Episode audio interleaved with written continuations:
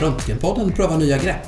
Idag bjuder vi in artikelförfattaren och kombinerar artikelreferat med intervju. Per kommer idka korsförhör med undertecknad. Vad blev det egentligen av de thailändska elefanterna? Och vi funderar kring framtidens ST-utbildning. Kan Davos komma att bli utkonkurrerat av Nässjö? Och så kommer ni få lära er allt om vad projektionslära har för betydelse för politiska valkampanjer. Allt detta i kvällens avsnitt av Röntgenpodden.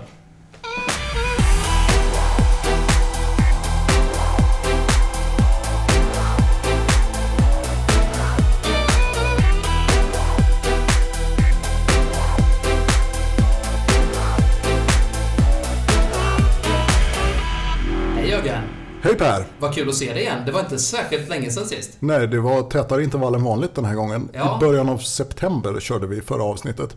Så var det och innan dess så dröjde det flera månader emellan men nu har vi liksom hittat formen här. Ja, precis. Det känns bra tycker jag att vara i farten. Och eh, vi har ju till och med med en gäst idag.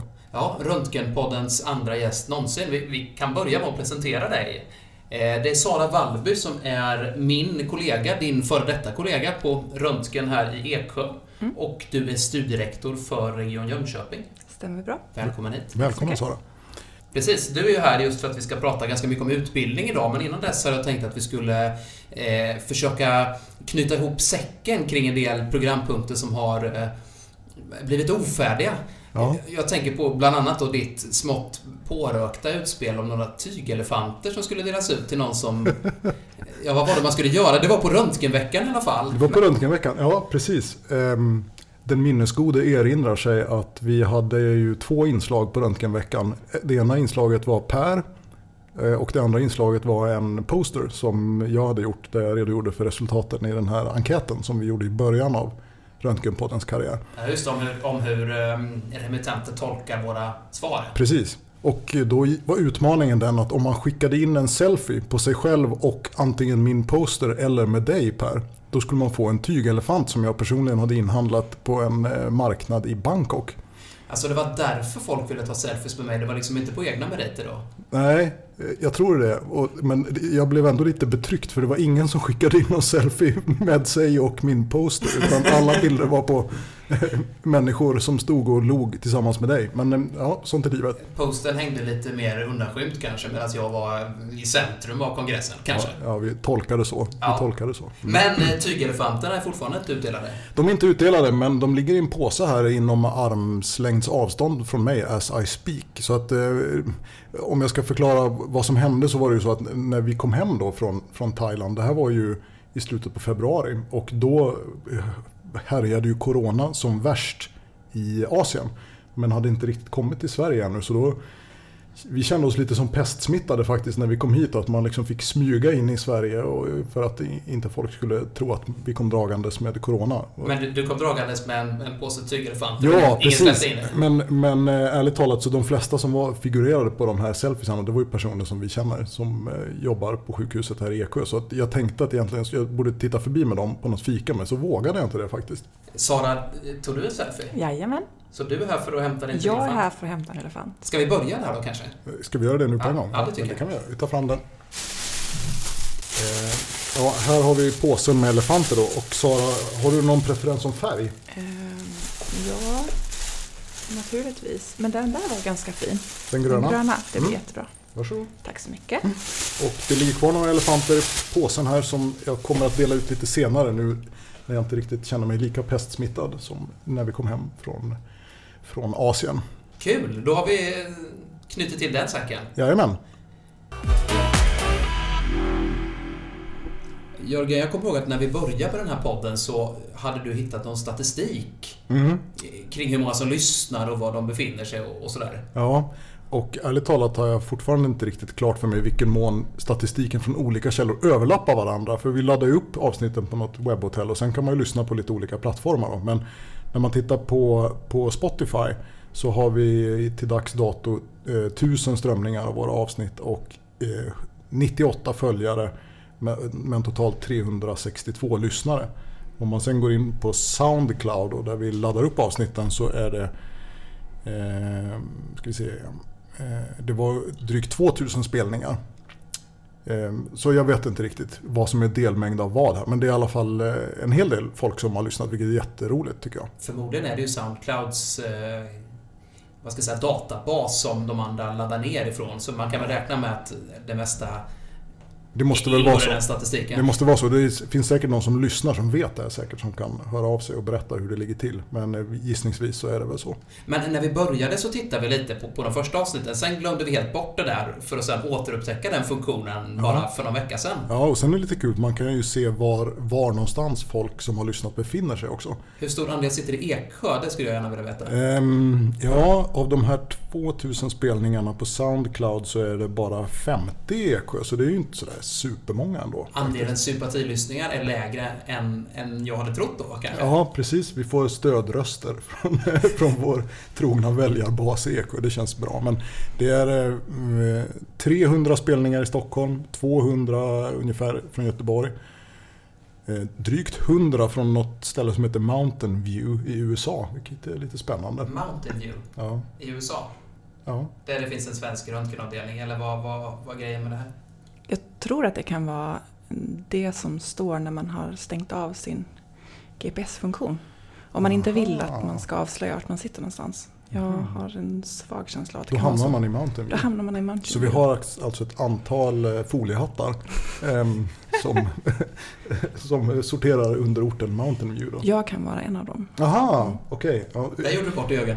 det var väl ett bra sätt att inleda avsnittet genom att förolämpa vår gäst. Ja, det, det får vi jobba vidare på. Vi, vi slätar över det. Och och jag, jag tänkte också, är det liksom samma lyssnare som lyssnar på alla avsnitt eller lika många? Eller har du någon känsla för det här? Är det så att folk tittar vad vi diskuterar och sen lyssnar bara om det är en intressant rubrik? Eh, just det har jag ingen uppfattning om, om huruvida de tittar i förväg eller så. Men det finns ju en, en rangordning i alla fall vilka avsnitt som har flest lyssnare. Och det är avsnitt två eh, hittills som har flest lyssnare med drygt 400. Och eh, då pratade vi om höft höftluxationer och uppvätskning bland annat. Okej, för annars hade jag spontant trott att vad ska jag säga, vi är ju en ganska smal podd från början och Ja. börjar vi prata till exempel MR prostata så snävar vi in oss ytterligare då. Då tänker jag att det är liksom ingenting som man spontant lyssnar på om man inte är radiolog utan då blir det ganska få. Och vad ska jag säga, av motsatt anledning då så hade jag trott att Corona-specialet skulle vara det överlägset mest populära. Ja. Så var det alltså inte. Eh, nej, men Corona-specialet kommer inte långt därefter faktiskt. Kommer på andra plats med 405 lyssningar. Så att, eh, det, det var väldigt populärt. Kan det vara så att intresset eh, hos gemene svensk för höftluxationer är större än man tidigare trott? Mm, antagligen. Här behövs mer forskning. Idag har vi kommit på genidraget att bjuda in den som har skrivit artikeln vi, vi skulle ha som avsnittets artikel. Ja, det tycker jag var genialt. Ja, det tycker jag också. Jag tycker bara nästa gång så tar vi en artikel från Lancet istället och så får vi hit. Fatta vad det skulle dra folk. Mm, du fixar det då. Ja, jag, jag tar det. Ja. Och du ordnar fikat. Jajamän. Men, men tills vidare så ska vi prata om eh, din artikel Sara som är publicerad i den eh, vetenskapliga tidskriften höll jag på att säga. Och det är den ju i viss mån, men framförallt en facktidning för röntgenläkare, Imago Medica. Mm. Och du skriver egentligen inte som, som en person, utan du skriver som representant för någonting som vi kallar för studierektorsnätverket. Precis. Vad är det? Jo, eh, alla studierektorer inom röntgen i Sverige eh, har en liten sammanslutning, en grupp. Eh, Vi träffas två gånger per år, diskuterar SD-frågor, utbildningsfrågor och har ganska tät mejlkonversation däremellan. Med frågor som dyker upp och vi hjälper varandra, skulle jag säga. Som studierektor är det ganska nyttigt att vara med. Eh, Och då brukar träffas en gång eh, på röntgenveckan varje år. Det låter som ett bra tillfälle att träffas. Ja, precis. Eh, Så det är rutin sedan många år. Och då, förra året när vi hade röntgenveckan i Jönköping så hade vi den här diskussionen om kurser som landade i den här artikeln då som jag skrev efteråt. Ja, precis. För det är ju inte så att varje möte ni har resulterar i någon artikel, utan det här är en speciell fråga ni har diskuterat, nämligen bristen på utbildning Ja, inom röntgen-Sverige generellt. Det känns lite, lite löjligt att redogöra för artikeln när den som har skrivit den sitter bredvid, så jag tänker att du kanske i korta drag kan, kan berätta själv. ja men som studierektorer eh, så har vi ju ganska länge brottats med bristen på kursplatser åt våra ST-läkare. Eh, Det är en fråga som återkommit under många år. Och vi gjorde en inventering av hur många ST-läkare vi har eh, och insåg att vi anställer ungefär 80 nya ST-läkare varje år i Sverige. Eh, och om man börjar tänka efter hur mycket kursplatser som anordnas på de olika kurserna så inser man ganska snart att det räcker inte till. Eh, och det där har vi diskuterat flera gånger men då framförallt på röntgenveckan om hur man kan tänka kring det där och hitta lösningar och sådär. Eh, det är många olika aktörer inblandade. Ehm, vi har ju delföreningar som anordnar mycket kurser och olika orter, alltså kliniker ehm, och att hitta en bra väg framåt diskuterade vi då. Mm. Har ni kontakt med ehm, representanter från andra specialiteter också? Det finns väl kanske motsvarande nätverk för studierektorer inom ja, kirurgi eller gyn eller internmedicin eller så? Ja, just i den här frågan hade vi redan för att jag hittade en artikel i Läkartidningen eh, som handlade om eh, Svensk förening för gynekologi och obstetriks kurssystem. Eh, de har ett ganska smidigt system där man har ett färdigt kursutbud kan man säga. Eh, de har bestämt vilka kurser alla ST-läkare ska gå och alla ST-läkare är garanterade att få plats på dessa i rätt tid av sin utbildning. Så vi hade en representant därifrån som kom och berättade om det. Det var väldigt intressant. Man har rationaliserat eh, bort huggsexan som uppstår med Precis. För det kommer jag ihåg, det var ju rena sporten när man var ST-läkare och man satt och, och mm, uppdaterade när anmälan öppnade på en eller annan populär kurs. Mm. Och det här med att gå kursen i rätt tid är också någonting som jag känner att vi brottas väldigt mycket med. Mm. Ehm, för att när man blev specialist och började gå på specialistkurser så var de ju ofta ganska fulla av ST-läkare därför att de har inga andra kurser att gå. Så det känns som att det är dåligt för ST-läkarna men också dåligt för specialisterna som inte får rätt nivå på sina kurser. Nej, och jag har ett tydligt minne från sista året av ST att då blev det väldigt många kurser som man kom in på därför att det var Eh, antagningen skedde i prioritetsordning efter hur lång tid man hade gått och mycket av det som man lärde sig då var eh, ja, mer eller mindre överspelat för att ja. man hade kommit så långt i SD. Precis. Man fick sitt intyg helt enkelt? Ja, precis. Precis. Men eh, jag tänkte på det, den här modellen som Gyn kör med. Det låter ju som att det är ganska långt från hur det fungerar inom radiologin. Ja, så är det. Och det krävs ganska mycket i form av administration och de har ju folk som anställda för att sköta det där. Men det låter som en väldigt bra lösning i alla fall. Så det är en målbild som ni eh, strävar lite mot eller? Det är i alla fall en målbild som vi har haft. Okay. Mm. Mm. Men alltså, finns det någon eh, övergynekolog någonstans som pekar med hela handen och säger att Universitetssjukhuset i Uppsala ska nu anordna en kurs om gynonkologi och i Lund så ska man prata om förlossning eller vad det nu kan vara? Eller hur, Nej, men jag uppfattar det som att egentligen sköts det nog på samma sätt som hos oss. Att, att någon bestämmer sig för att jag vill anordna en kurs inom det här då, ämnet som ju är fastställt då, ett kursämne. Eh, och så blir det upphandlat på något sätt. Men, eh, så, så, den biten är nog ungefär samma men att det finns liksom en styrning som säger vad som ska göras och vilka som ska gå den och vad det får kosta. Eftersom det här, du sa att det skedde i samarbete med Socialstyrelsen. Mm. Så det innebär det då också att när man har gått det paketet så är det garanterat att man har täckt alla delmål i målbeskrivningen för att uppfylla? Precis. Ja. Så, och det är ibland, jag uppfattar, jag har tittat på det där lite förut och då det är liksom lite samman, eh, sammansatta kursämnen eh, för att det ska täcka allting då. Mm. Och anpassas efter vad de behöver kunna just då. De har en jourförberedande kurs i början och så. Mm. Det låter ju väldigt lockande att ha det för alla specialiteter. Ja. Men är, det, är Socialstyrelsen beredda på att medverka till det eller finns det liksom flaskhalsar där som gör att det kan vara svårt att få med dem eller har du någon uppfattning om det? Nej, det har jag faktiskt ingen uppfattning om. Eh, så som våran förening är eh, konstruerad så har det liksom funnits ganska många hinder redan där. Okay. För att ja, men, anställa folk till exempel. Det mm. har vi inte någon möjlighet till just nu. Så att just nu ligger den idén nere. Eh, och det är ju inte vi heller som äger frågan utan vi har liksom, artikeln går ut på att lyfta frågan och eh, få folk att diskutera ute i stugorna. Mm. Fikarummen. Poddarna. Eh, poddarna. Precis. Eh, för att se hur, hur, kan vi, hur kan vi bidra till att det ska bli en bättre kurssituation för ST-läkarna. Och i ert studierektorsnätverk, eh, vad är det för diskussioner som pågår just nu? Då? Du sa att det här låg, var lite grann lagt på is. Ja, just den här delen med den här en central... Så att Precis. Men, och vad, vad är det för mer jordnära projekt ni håller på med nu då? Nej, men, eh, dels har vi en diskussion med delföreningarna. Eh, vi skulle vilja att de definierar vad som är kanske ska säga, lägsta nivå som alla ST-läkare behöver kunna eh, teoretiskt. Ehm, för att man ska kunna ja, men, skapa en, en... Vi har pratat om det här med level 1 och level 2 som harmonierar med den europeiska utbildningsboken.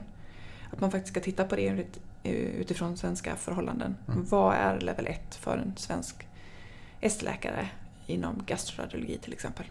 Och det där är lite intressant. Jag var ju på just gastroradiologiska de hade en temadag på Röntgenveckan och det var ju framförallt föreläsningar men så var det lite paneldiskussion i det där ämnet och då förstår man ju att det är ju det är ju lite oklart vilka aktörer man ska anpassa sig till för vi har specialistföreningen som tycker en sak och Socialstyrelsen har sina krav och så finns de här europeiska riktlinjerna och målen och de här är inte alltid sinsemellan förenliga så att säga.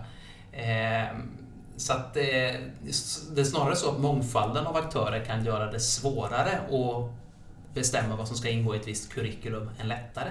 Precis.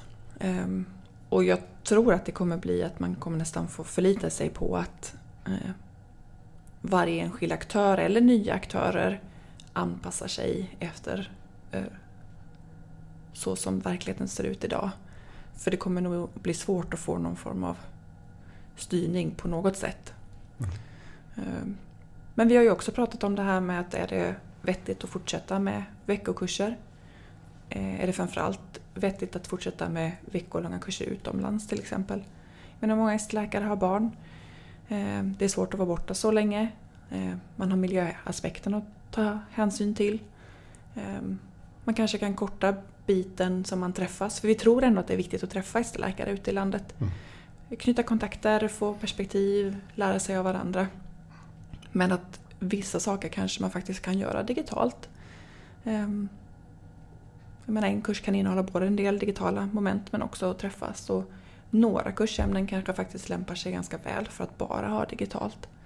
Jag har ju nu under pandemin gått en digital kurs i ME prostata och jag kommer gå en till. Det är Eskars kurs i leverdiagnostik, alltså Europeiska gastroradiologiska sammanslutningen. Då. Och den sistnämnda tycker jag är ganska bra att den blir eh, digital, för då skulle man åkt till Oslo eh, annars eh, Eh, för en tvådagarskurs och det var ändå närmsta stället man kunde åka för att, för att gå den. Och det känns ju klart rimligt. Däremot så tänker jag mig att eh, alltså, de här SK-kurserna man har gått och ST-kurserna, där, där uppfattade jag det som väldigt värdefullt att träffa andra ST-läkare. En hel del kontakter jag har kvar från de kurserna som man ja, jag har mejlat någon när det var en upphandling och de hade en av eh, de datortomografer vi eventuellt skulle köpa in. Och, ja, på, på, alla möjliga sätt har man kontakt med dem där. Va? Och det är lite lättare just att knyta nya kontakter, tänker jag, på, på en fysisk kurs. Ja.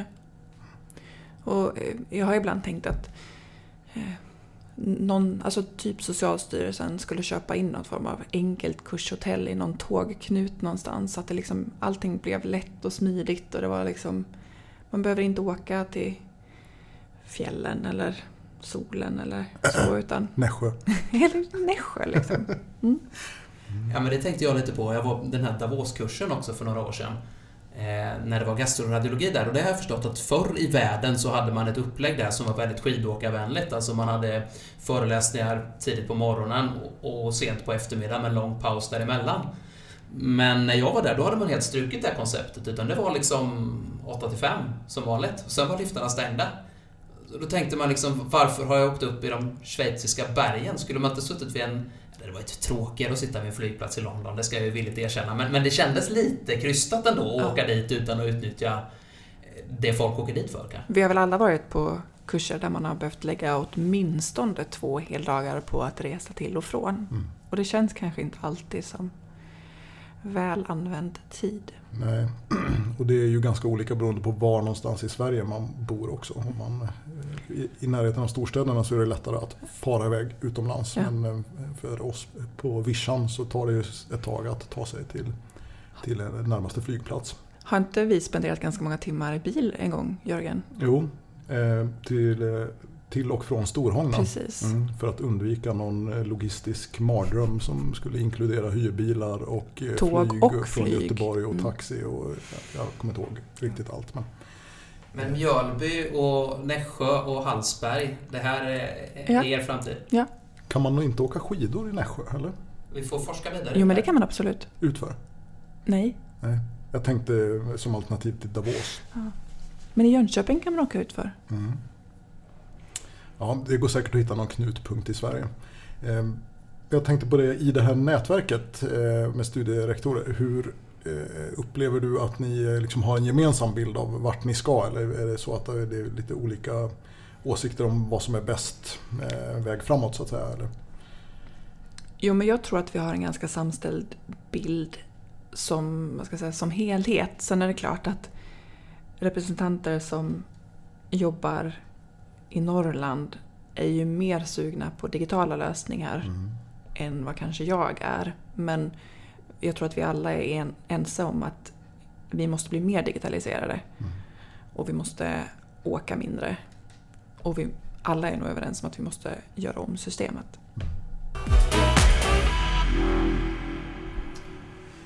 Eh, okej, då har vi ju diskuterat här eh, lite om hur studierektorsnätverket eh, arbetar med utbudet av kurser för ST-läkare inom radiologi och hur de ser på framtiden och vad, lite om vad de har för mål och så. Och, eh, skälet till att vi valde detta som tema för det här avsnittet det är ju att vi har ett lite personligt intresse i frågan ända sedan artikeln som Sara skrev publicerades i Imago Medica i våras. Eh, Och det var ju också skälet till att vi bestämde oss för att arrangera en egen kurs i basal akutradiologi för primärjourer. Eh, Per, kan inte du berätta lite grann om hur det går med kursen? Ja, nej men alltså bakgrunden. Vi har ju alltid tyckt om att undervisa. Alla vi tre här och vi har, eh, du och jag har mycket undervisningsfiler sparade. Dina ligger fortfarande kvar på din gamla arbetsplats kan jag avslöja. Det är skönt att höra. Ja, de tar vi väl hand om. Och eh, vad jag har tyckt ibland kan saknas på kurser, det är den här möjligheten att eh, studenterna själva ska sätta sig och granska och så ska man kunna få feedback, alltså någon sorts seminarium helt enkelt. Eller rättare sagt, det finns kurser där man tillämpar den metodiken, men det har hittills byggt på att man haft tillgång till arbetsstationer. Eh, och även om man är ett stort universitetssjukhus som anordnar kursen så hamnar man ett halvdussin studenter på en arbetsstation Ja. och jobbar. Eh, jag har väl tänkt innan att det hade varit kul om man kunde ordna en kurs, men hur ska man lösa granskningsdelen i så fall då? Mm, mm. Och sen så kom eh, Collective Minds in i bilden. Jag vet inte om vi har pratat om det någon gång tidigare i sändningen. Nej, det tror jag inte vi har nämnt faktiskt. Nej, för det är ju ett, ett nytt svenskt eh, projekt, eller företag.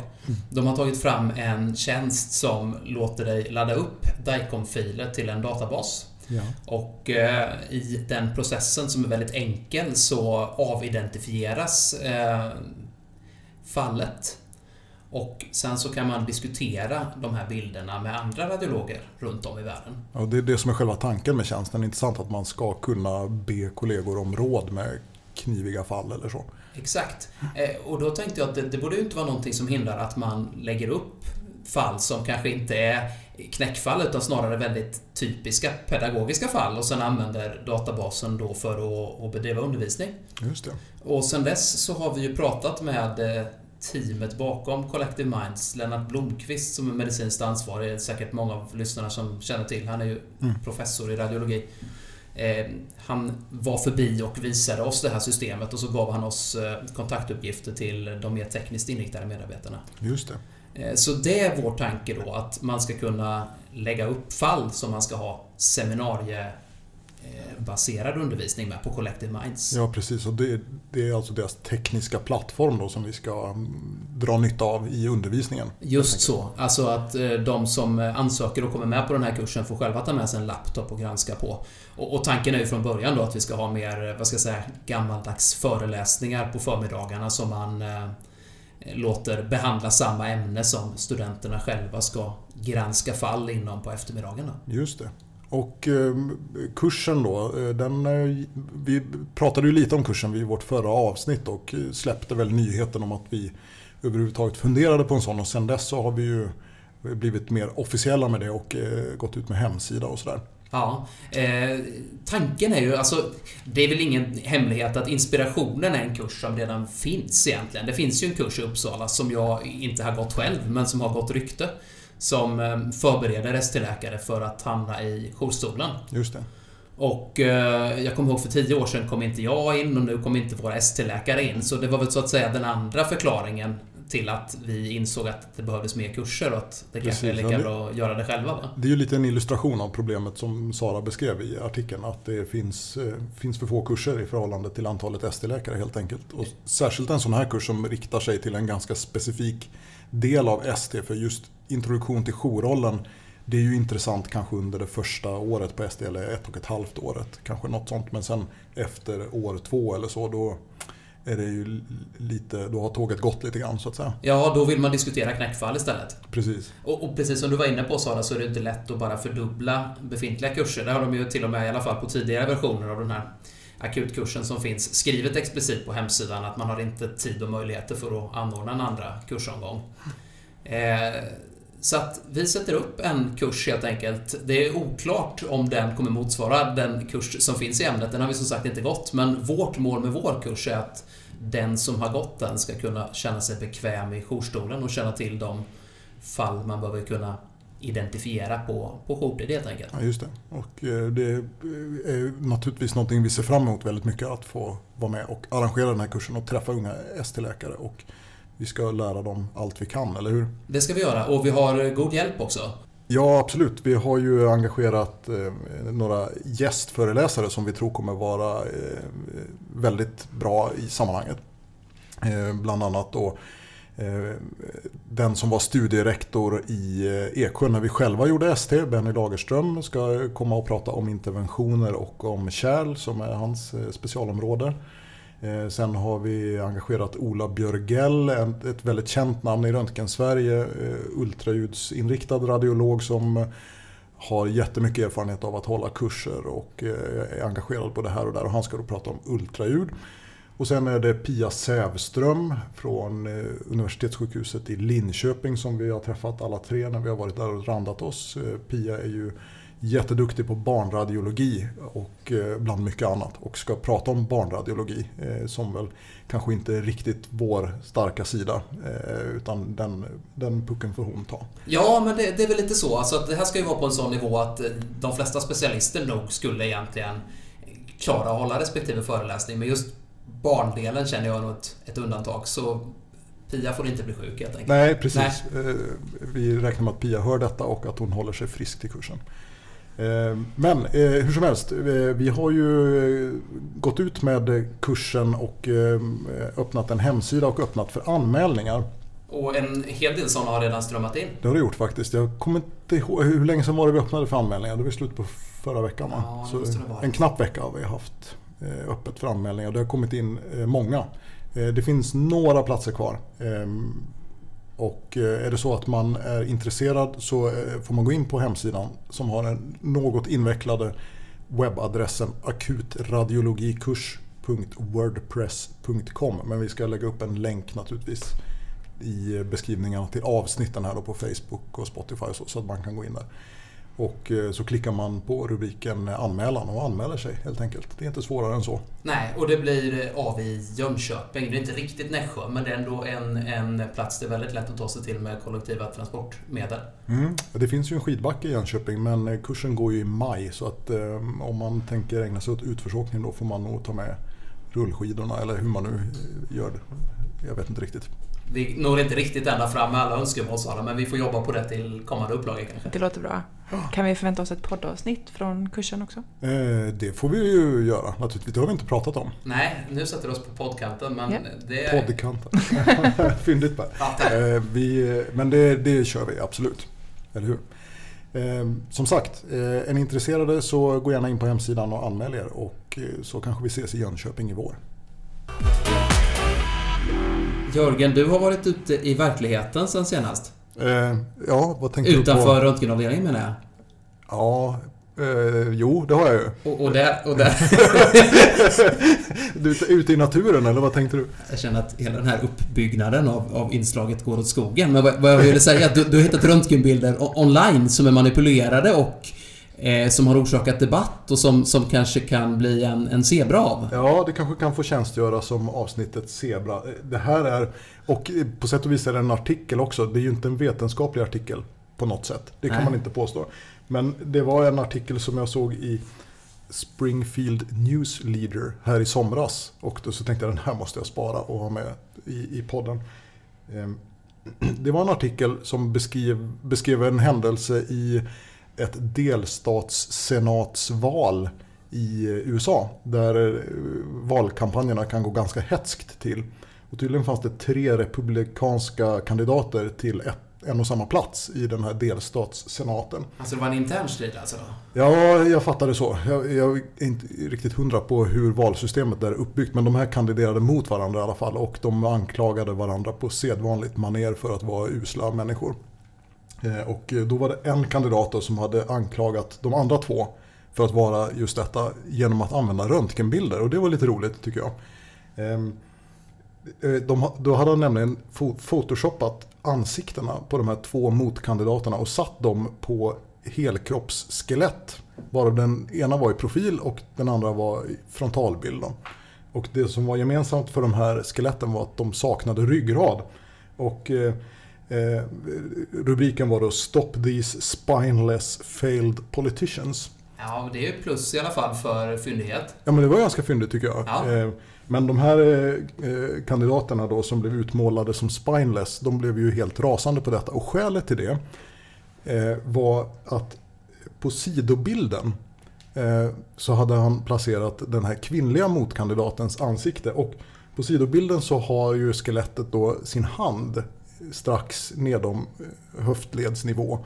Och tummen sticker fram lite grann. Eh, Och det har ju då de tolkat som att det är eh, ett manligt könsorgan som sticker fram på den här kandidaten. Men ett, ett ben är då? Ja, det måste man ju ha trott om. För då, den här kvinnliga motkandidaten, hon, hon skriver i en kommentar så här. I am saddened that my opponent Robert Ross would attempt to diminish my accomplishments and who I am by putting a photo of my face on top of a skeleton that included a depiction of a male appendage, she said in a statement. Okej, så det är inte frå- Det är alltid lättare att se något som har kommit till än något som har tagits bort. Men själva frånvaron av ryggrad tycks inte ha tagits skruv. Nej, och det var ju det som var så roligt. Ingen av kandidaterna blev upprörda över att de eh, sattes på skelett som saknade ryggrad. Men däremot så blev den här kvinnliga motkandidaten outraged av att hon fick en, ett male appendage som nu skulle ha skelett i sig då. Men det är också lite intressant för den manliga motkandidaten, han blev ju då avbildad i frontalbild. Där det framgår att det inte finns något male appendage, i alla fall inte med något, någon skelettstruktur i sig. Han var mindre kränkt, eller? Ja, men jag bara tänker att eh, konsekvensen borde ju stipulera att han också skulle bli kränkt av att inte ha ett male appendage. Eller så det kanske var mindre upprörande, jag vet inte riktigt. Nej, det kan man fundera mycket på. Jag vet inte riktigt vad vi ska dra för slutsatser av det här. Nej. Eh, jag kände ju att jag var tvungen att göra lite efterforskningar på Wikipedia om hur det är med, med male appendages eh, och skelettstrukturer. Visste ni att det finns eh, penisben? Björn. Björn? Jag tror att det är en jakttrofé faktiskt. Jaha, det visste jag inte jag. vet inte, om Benny lyssnar på det här, eller någon annan jägare för all del, så, så kommentera gärna det om det stämmer. Jag vet inte var jag har fått för mig det ifrån. Jag har aldrig jagat björn. Nej, de kallas tydligen baculum på latin. Eh, och det, eh, det står på Wikipedia då, alla, all kunskapsmoder, att eh, det förekommer hos alla insektsätare, fladdermöss, gnagare och rovdjur. Det finns även hos vissa primater, dock inte hos människor. Så jag tyckte det här var en lite intressant artikel. Eh, dels för kopplingen till röntgen och eh, som illustration av hur viktigt det är att eh, alltid ha flera projektioner för att kunna göra en korrekt diagnos. Eh, och eh, om det nu är så att någon av våra lyssnare eh, någon gång får se en röntgenbild med ett penisben så kan ni känna er säkra på att det inte är en människa utan det är antingen då kanske en fladdermus eller en gnagare eller möjligen en republikansk senatskandidat från Missouri jag tror det börjar bli dags att runda av. Jag tror inte jag kan toppa det här penisbenet med någonting. det får bli din uppgift till nästa avsnitt att eh, komma på något ännu värre. Ja, eh, jag ska jobba på det. Men eh, då knyter vi ihop din thailändska elefantsäck. Thailändska elefantsäcken och vi får ju tacka vår gäst Sara Wallby för att hon ville komma hit och gästa oss i podden. Tack själv. Tusen tack, roligt att du var med. Ja. Ehm, och eh, så har vi pratat lite om kursen eh, och vi hoppas som sagt att det är många som är intresserade av att eh, anmäla sig och delta i den kursen. Det gör vi. Och sen så ses vi om en obestämd framtid. Ja, vi får se vad vi pratar om då. Det har vi inte riktigt bestämt. Men på återhörande kära lyssnare. Tack för idag och vi hörs.